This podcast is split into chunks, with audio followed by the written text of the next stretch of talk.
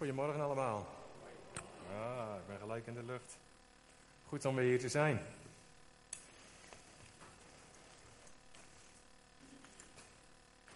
Even een beetje. Zo.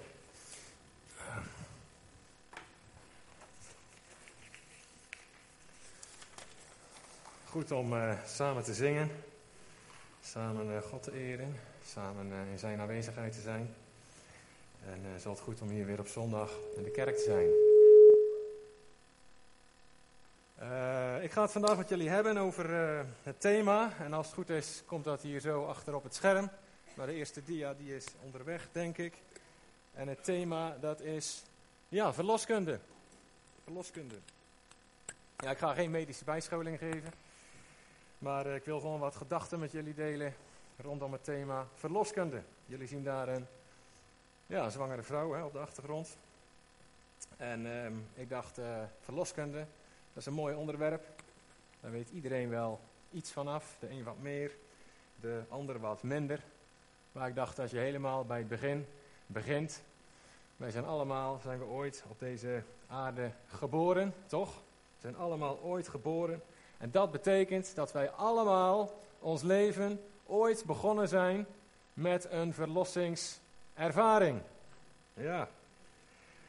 En helaas, of misschien moet ik juist wel zeggen, gelukkig weten wij daar allemaal niets meer vanaf.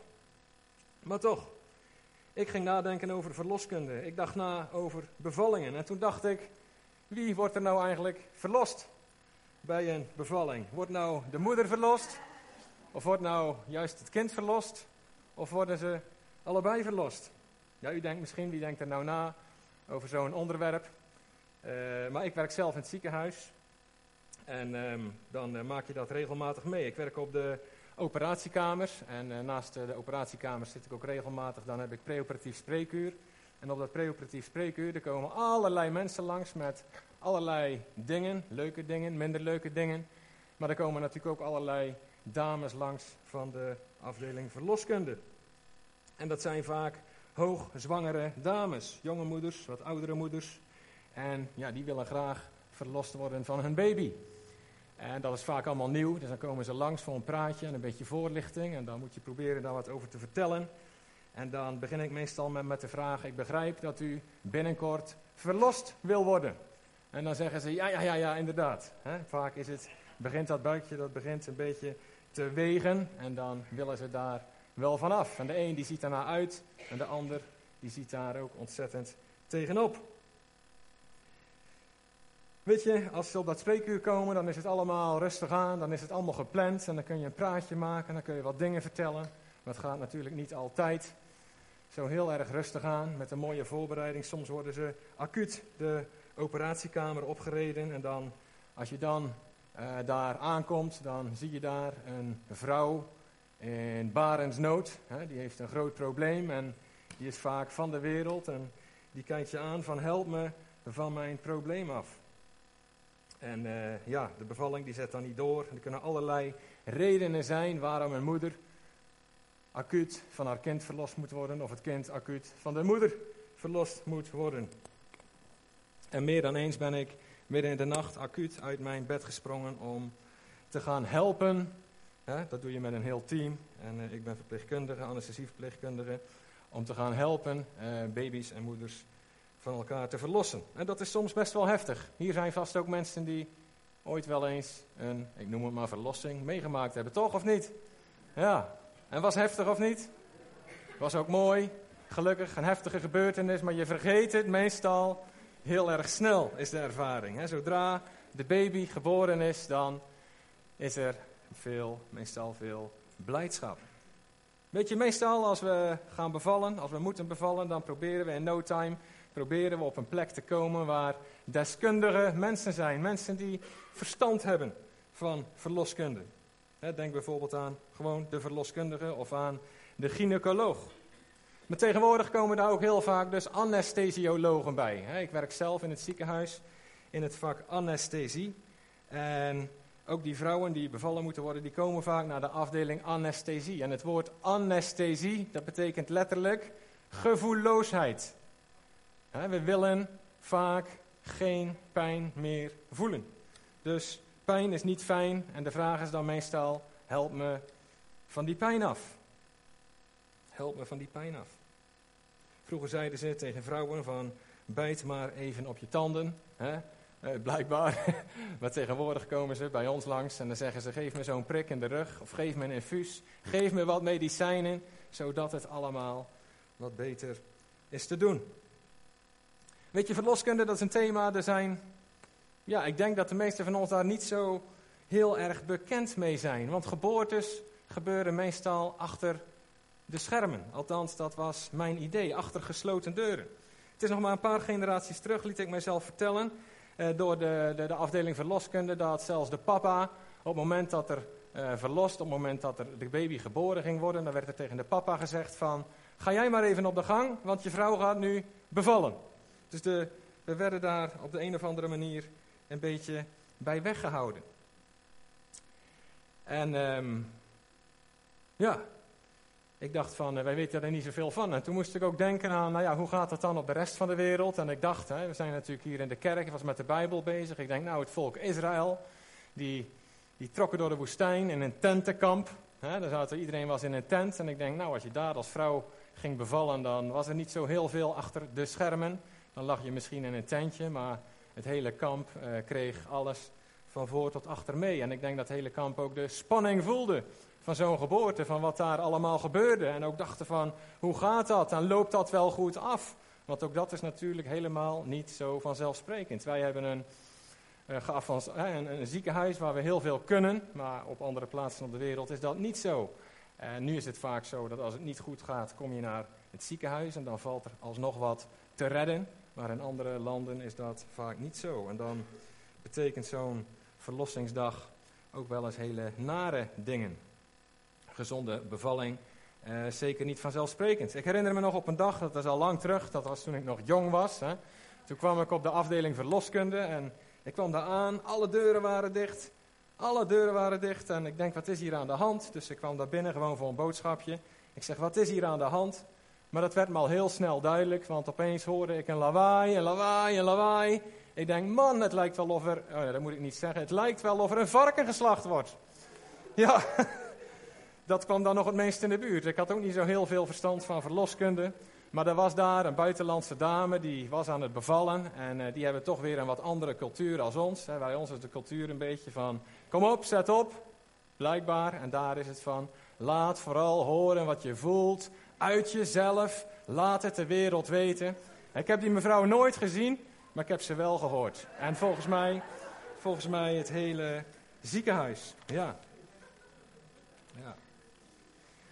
Hoe dan ook, iedere geboorte, iedere geboorte is het begin of is de start van een nieuw leven hier op deze aarde.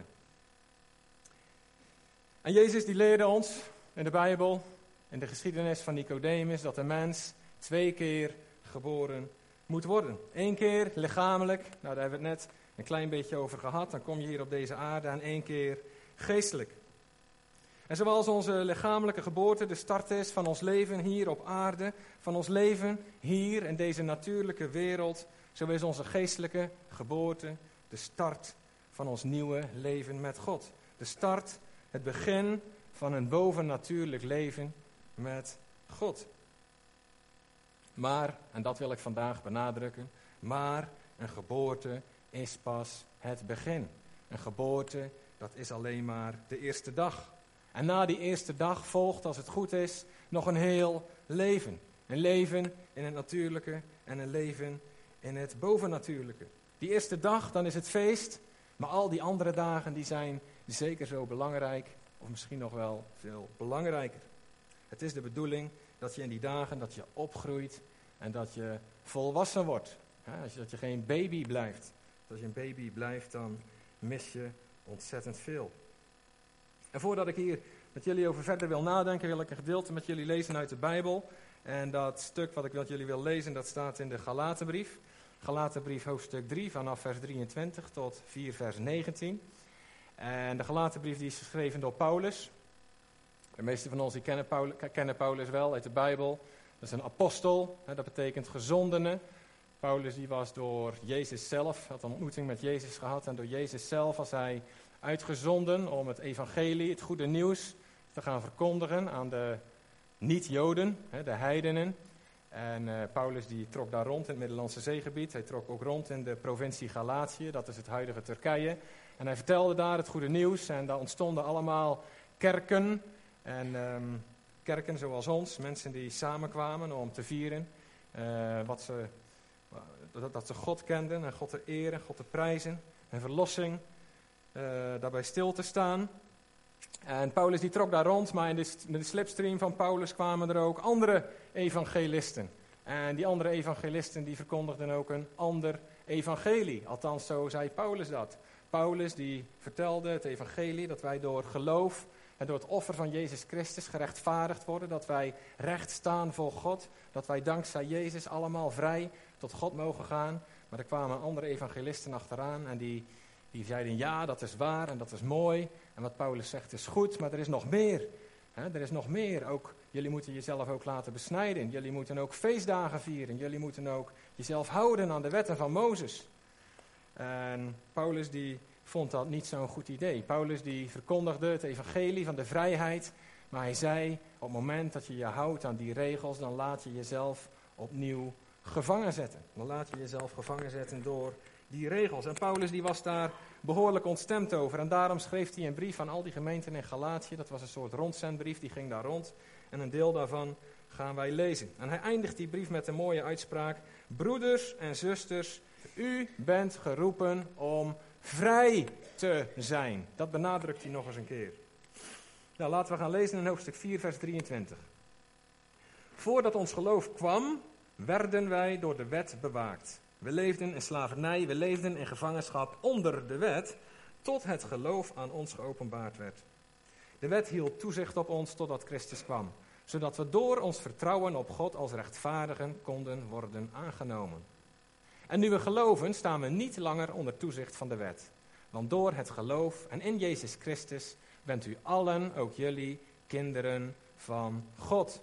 U allen die door de doop één met Christus bent geworden, hebt u met Christus omkleed.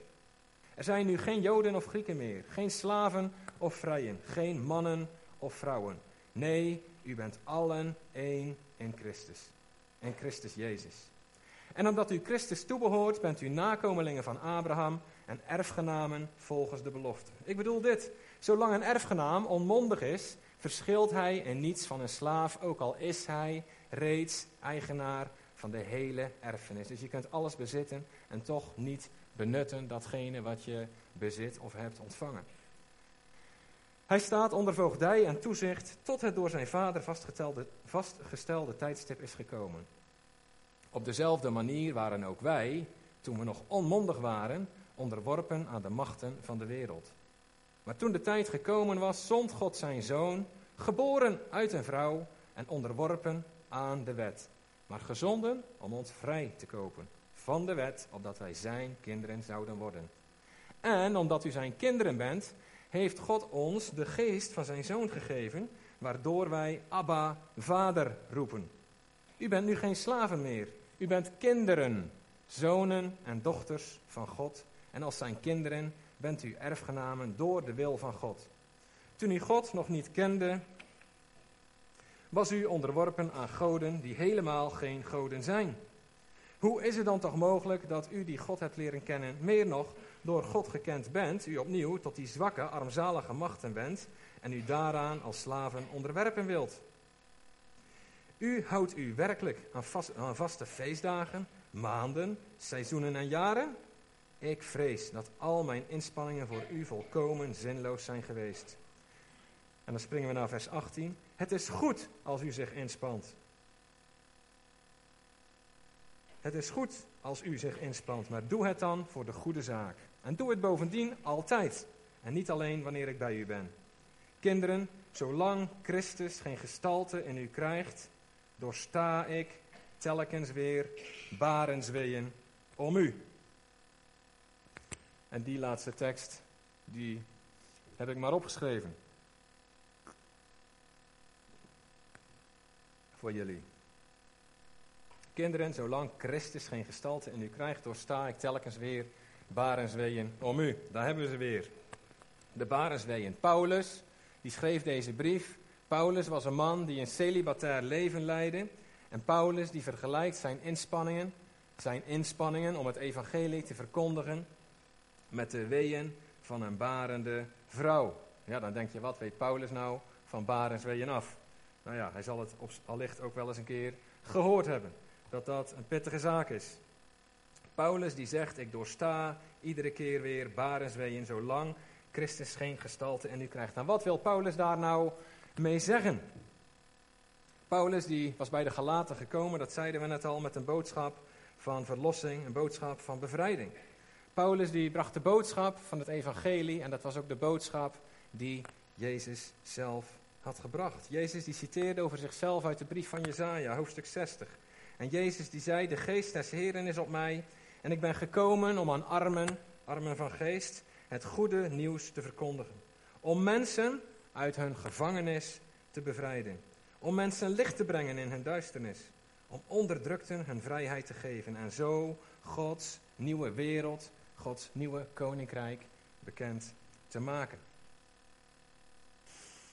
En dat was wat Paulus had gedaan en wat Paulus ook kwam doen in Galatië. Paulus die maakt met deze zin, maakt hij het doel van zijn onderwijs bekend. Het doel van Paulus' onderwijs was om nieuw leven, leven van God, voor te brengen in zijn toehoorders. Om nieuw leven, goddelijk, geestelijk leven voor te brengen bij de Galaten.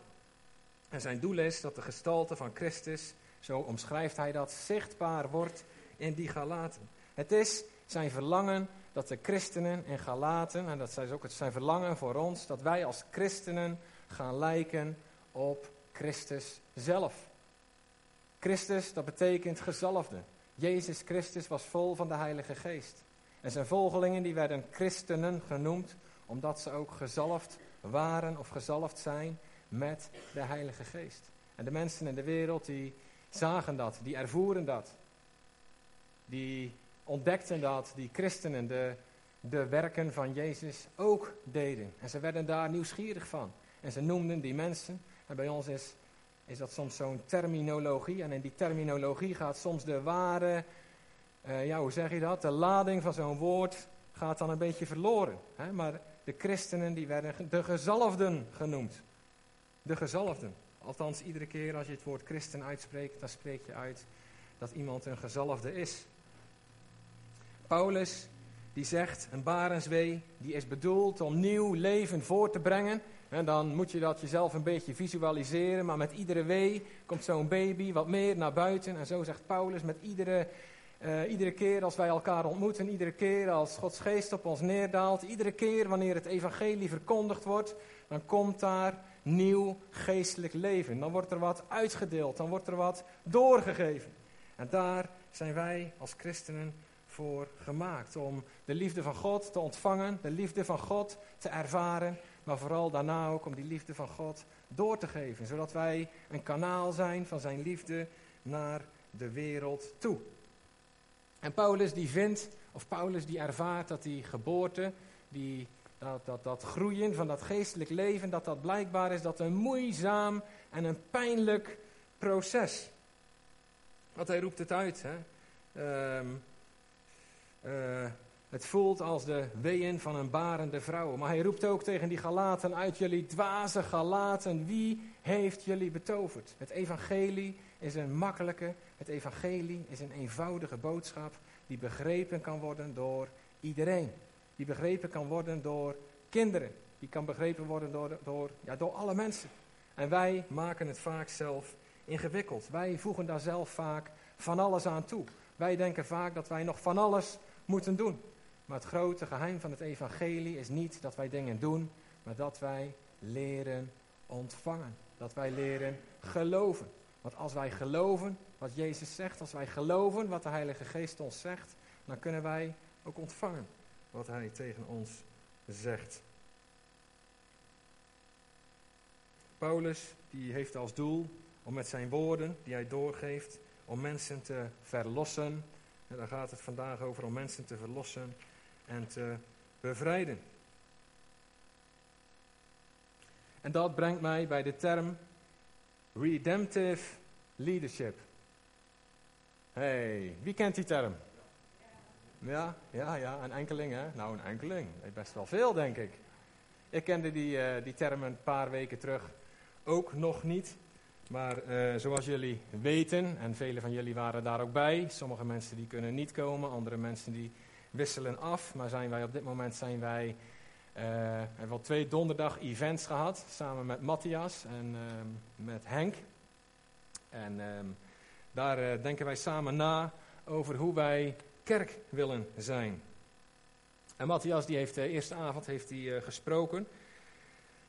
En um, hij heeft een boodschap met ons gedeeld over hoe een gezonde en een goede cultuur in een kerk eruit ziet.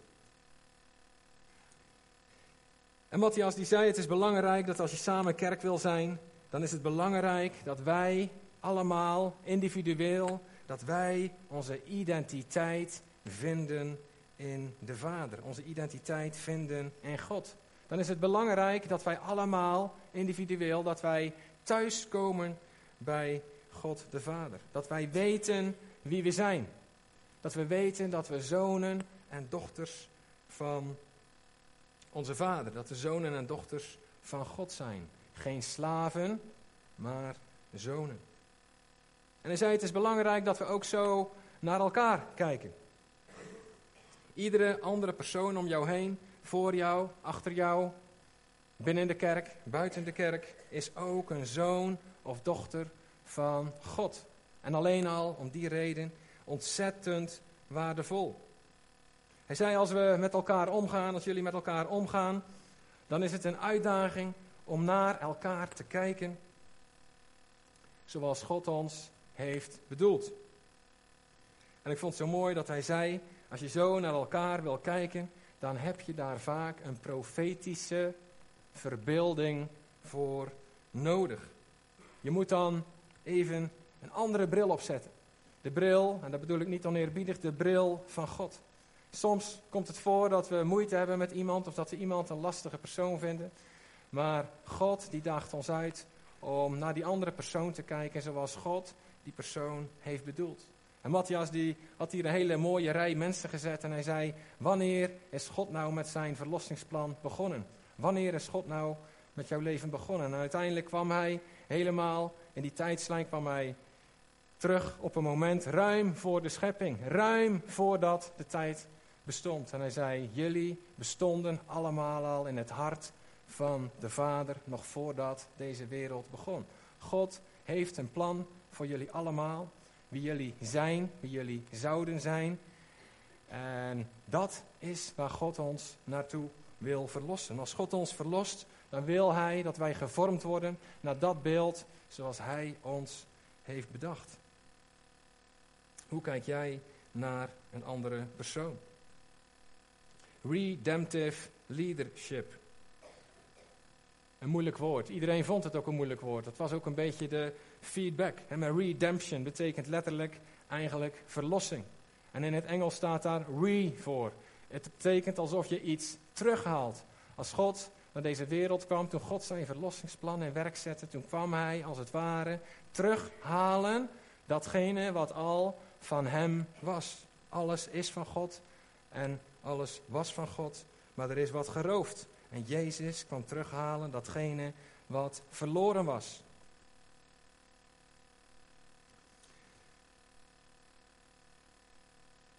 En wat zijn wij dan verloren? Wat is God dan verloren? Ja, ik zei het al, God heeft van ons allemaal een blueprint, een blauwprint, een original design. God heeft van ons allemaal een origineel idee voor ogen, hoe wij bedoeld zijn. En voordat de tijd begon, had God dat plan al.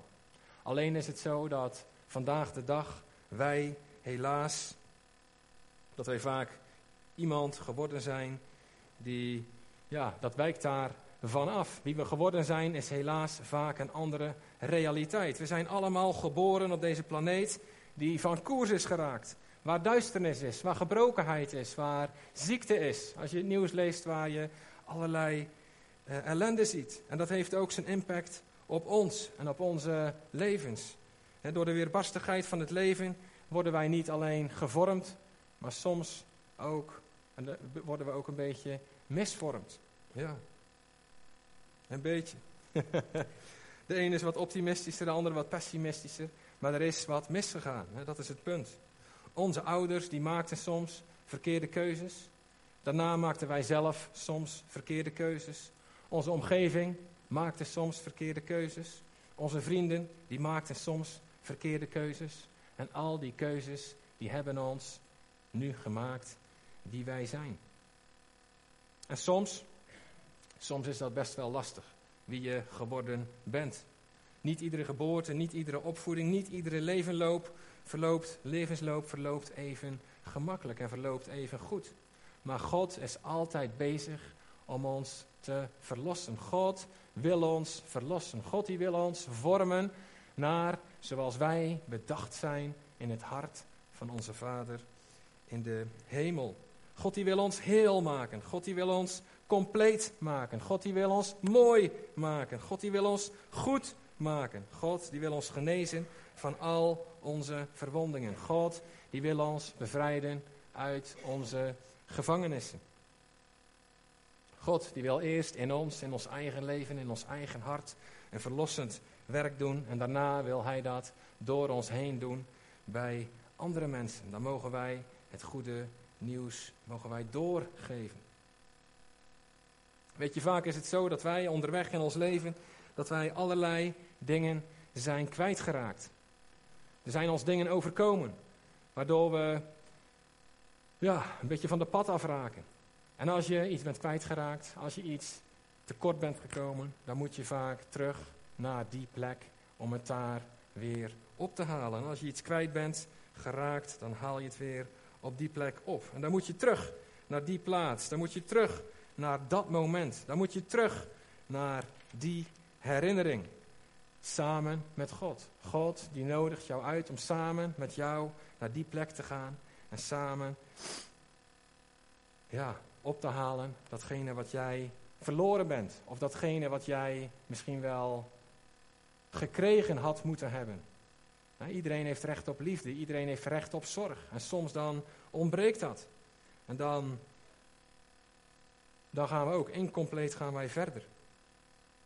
En God die nodigt ons allemaal uit om ja, ook terug te kijken naar ons leven, om eerlijk te kijken eh, naar onszelf, om te kijken eh, wie wij zijn. En wie wij geweest zijn en wat wij hebben gedaan en wat wij hebben verloren en wat wij, hoe wij beschadigd zijn. En vaak is dat nodig als wij willen reizen, als wij die reis naar de vrijheid willen doen. Maar heel vaak hebben wij daar niet zo ontzettend veel zin in. Want als je terug moet naar die momenten, dan doet dat vaak pijn. Dat zijn vaak de pijnlijke momenten in jouw leven. En voor die pijnlijke momenten is in ieder geval, er is geen anesthesie voor. er is geen spuitje, er is geen pilletje, er is geen oplossing hier in de wereld.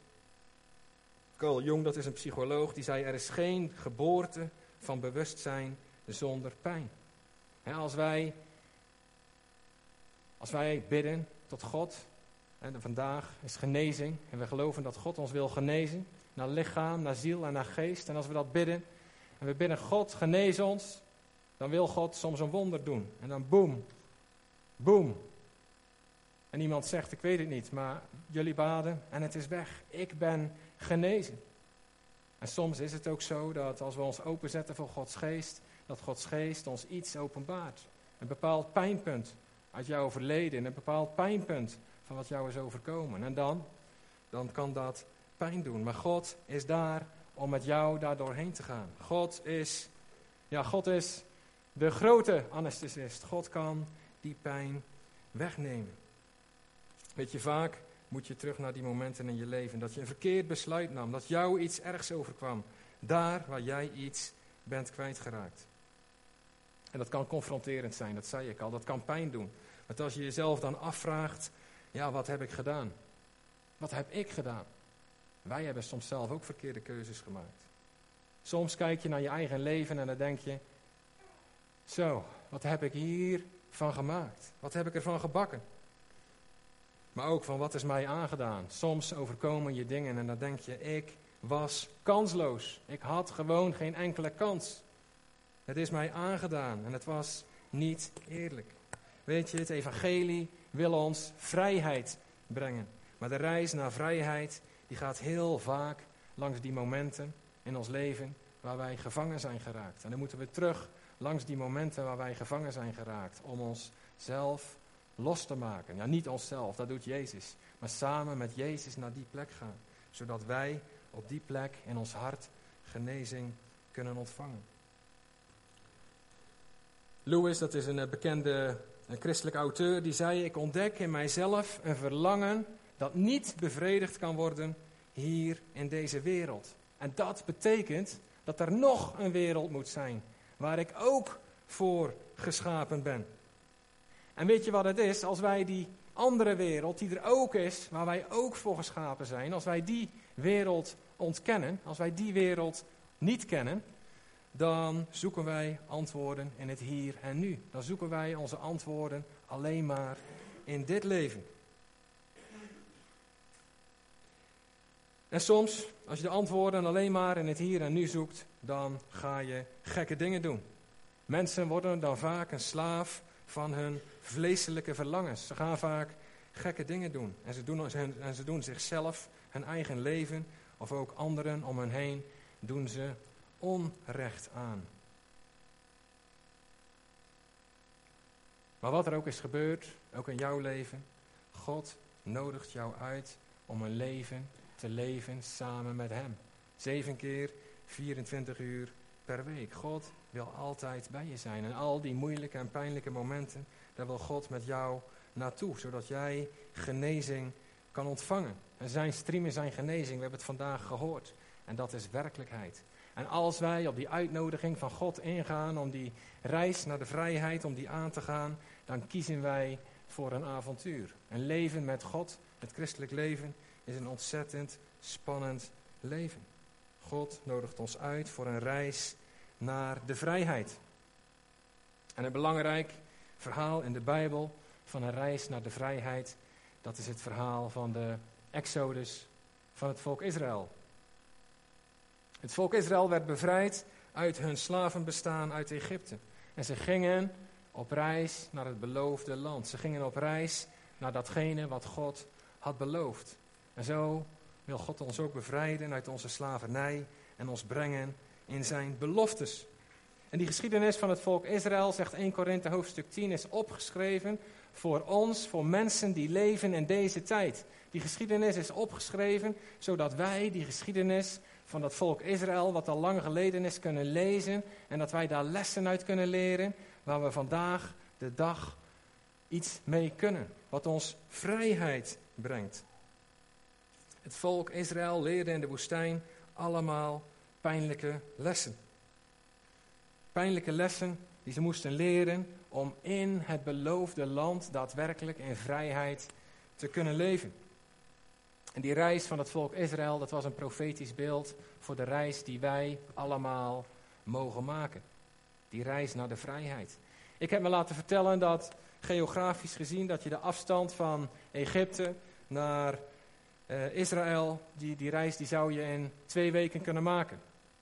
God die leidde het volk Israël uh, naar het land van de vrijheid, naar het land Israël. En ik geloof, ik heb het niet nagezocht, dat ze uh, na enkele maanden, twee, drie maanden, stonden ze daar al aan de grens van het beloofde land. En konden ze de beloften van God, konden ze werkelijkheid maken in hun leven. Maar ze waren er nog niet klaar voor. En we zeggen dan zo mooi, het volk Israël was wel uit Egypte, maar Egypte was nog niet uit het volk Israël.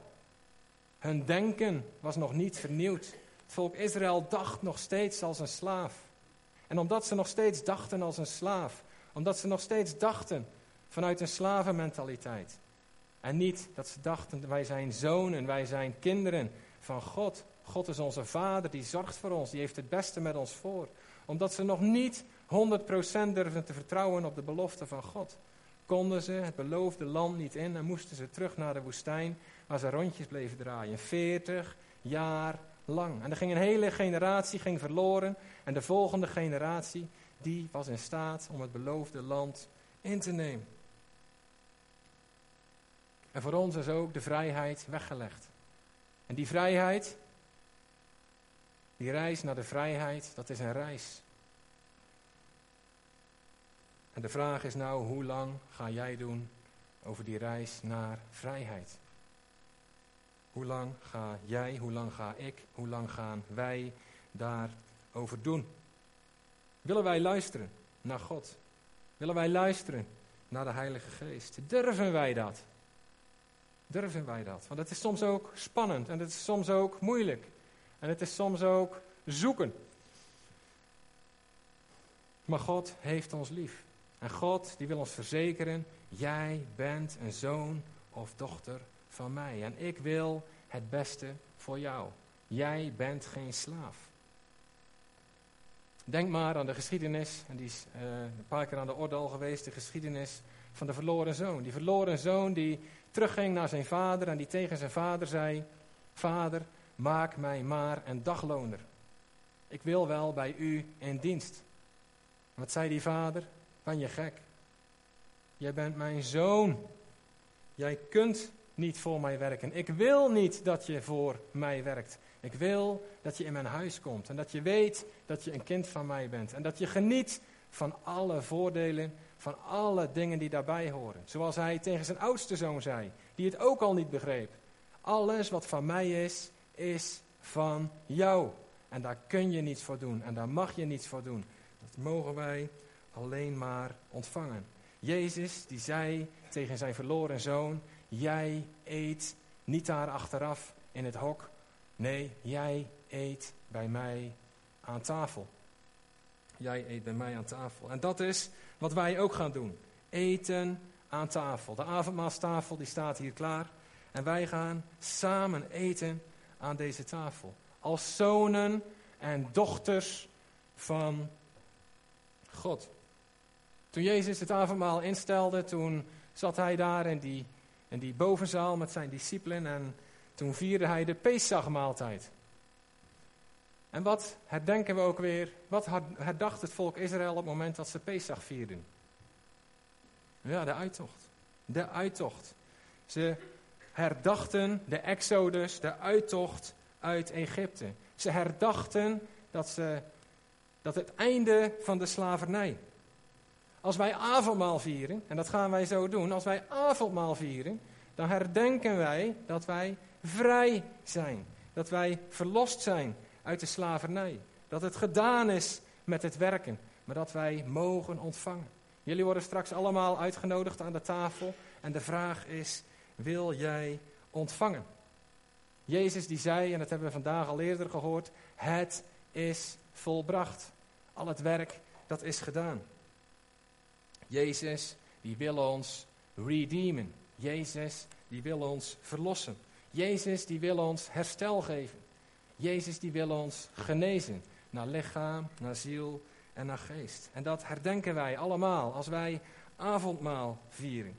Weet je, er wordt vaak gezegd dat we gaan dadelijk avondmaal vieren. En dan staat er een tekst in Corinthiërs waarin staat: onderzoek jezelf. Onderzoek jezelf of je wel waardig bent, of je het wel waard bent om aan het avondmaal aan te gaan. Toets jezelf. En wat denken wij dan vaak? Dan gaan we onszelf onderzoeken en dan denken we aan die weegschaal. En dan pakken we goed. En dan pakken we fout. En dan denken we terug. En dan denken we, ja, van de week ging dit fout en dat fout en dat fout.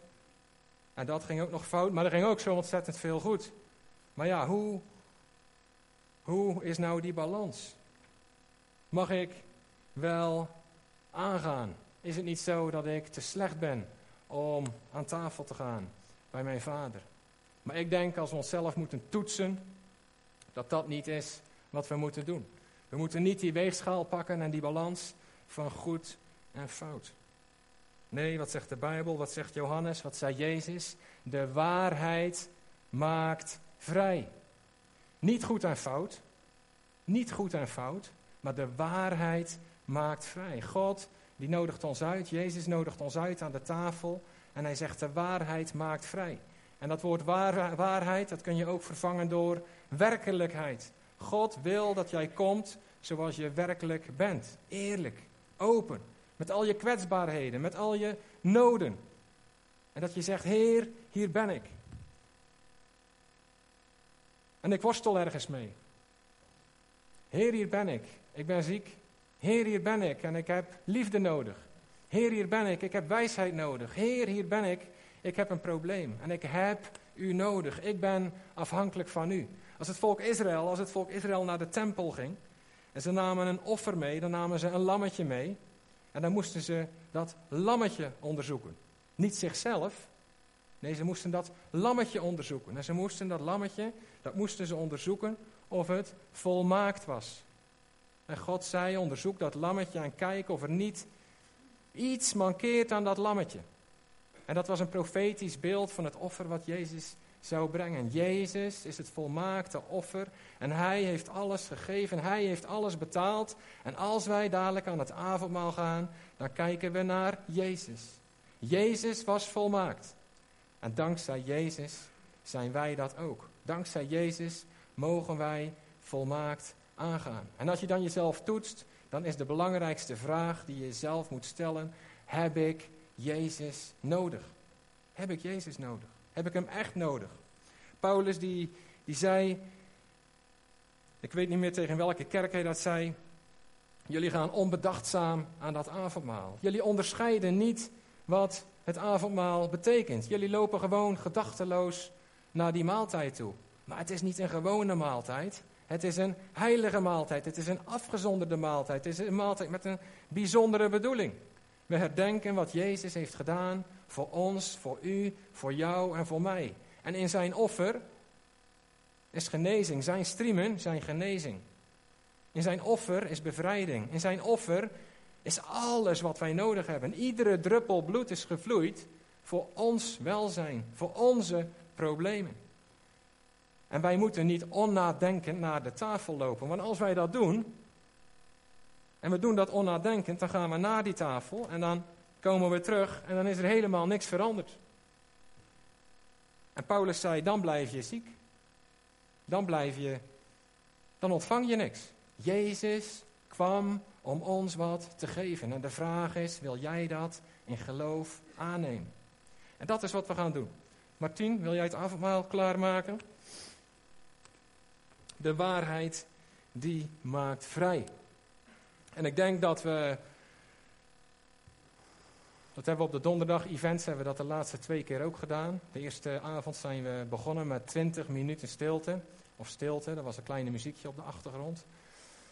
De tweede keer zijn we begonnen met 20 minuten stilte. Gewoon stil worden. Gewoon de tijd nemen. Gewoon jezelf afstemmen op God.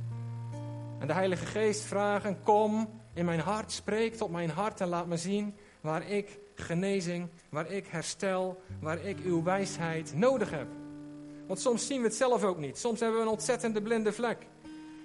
Want we hebben allemaal hebben we herstel nodig. En bij de een is dat wat zichtbaarder, bij de ander is dat wat onzichtbaarder. Maar we hebben allemaal herstel nodig. En Jezus, die wil ons dat geven en hij wil dat doen door het avondmaal, door zijn lichaam en zijn bloed wat is gegeven voor ons. En ik denk dat het goed is als we allemaal even een moment onze ogen sluiten. Gewoon sluit je even af voor de, de wereld om je heen. Sluit je even af voor de mensen om je heen. En richt jezelf op God. Op God de Vader die in de hemel is. Die, en de hemel die is niet ver weg. God is hier. God is in ons midden. God is in ons hart. En het is Jezus zelf die het avondmaal heeft ingesteld. Om ons iets fysieks te geven. Iets wat we vast kunnen houden. Om ons te verzekeren van zijn liefde voor ons. Om ons te verzekeren van zijn verlangen om herstel te brengen in ons leven. En Jezus die nodigt ons uit. En Jezus die wil spreken tot ons hart. Tot ons allemaal. Tot een ieder van ons, individueel.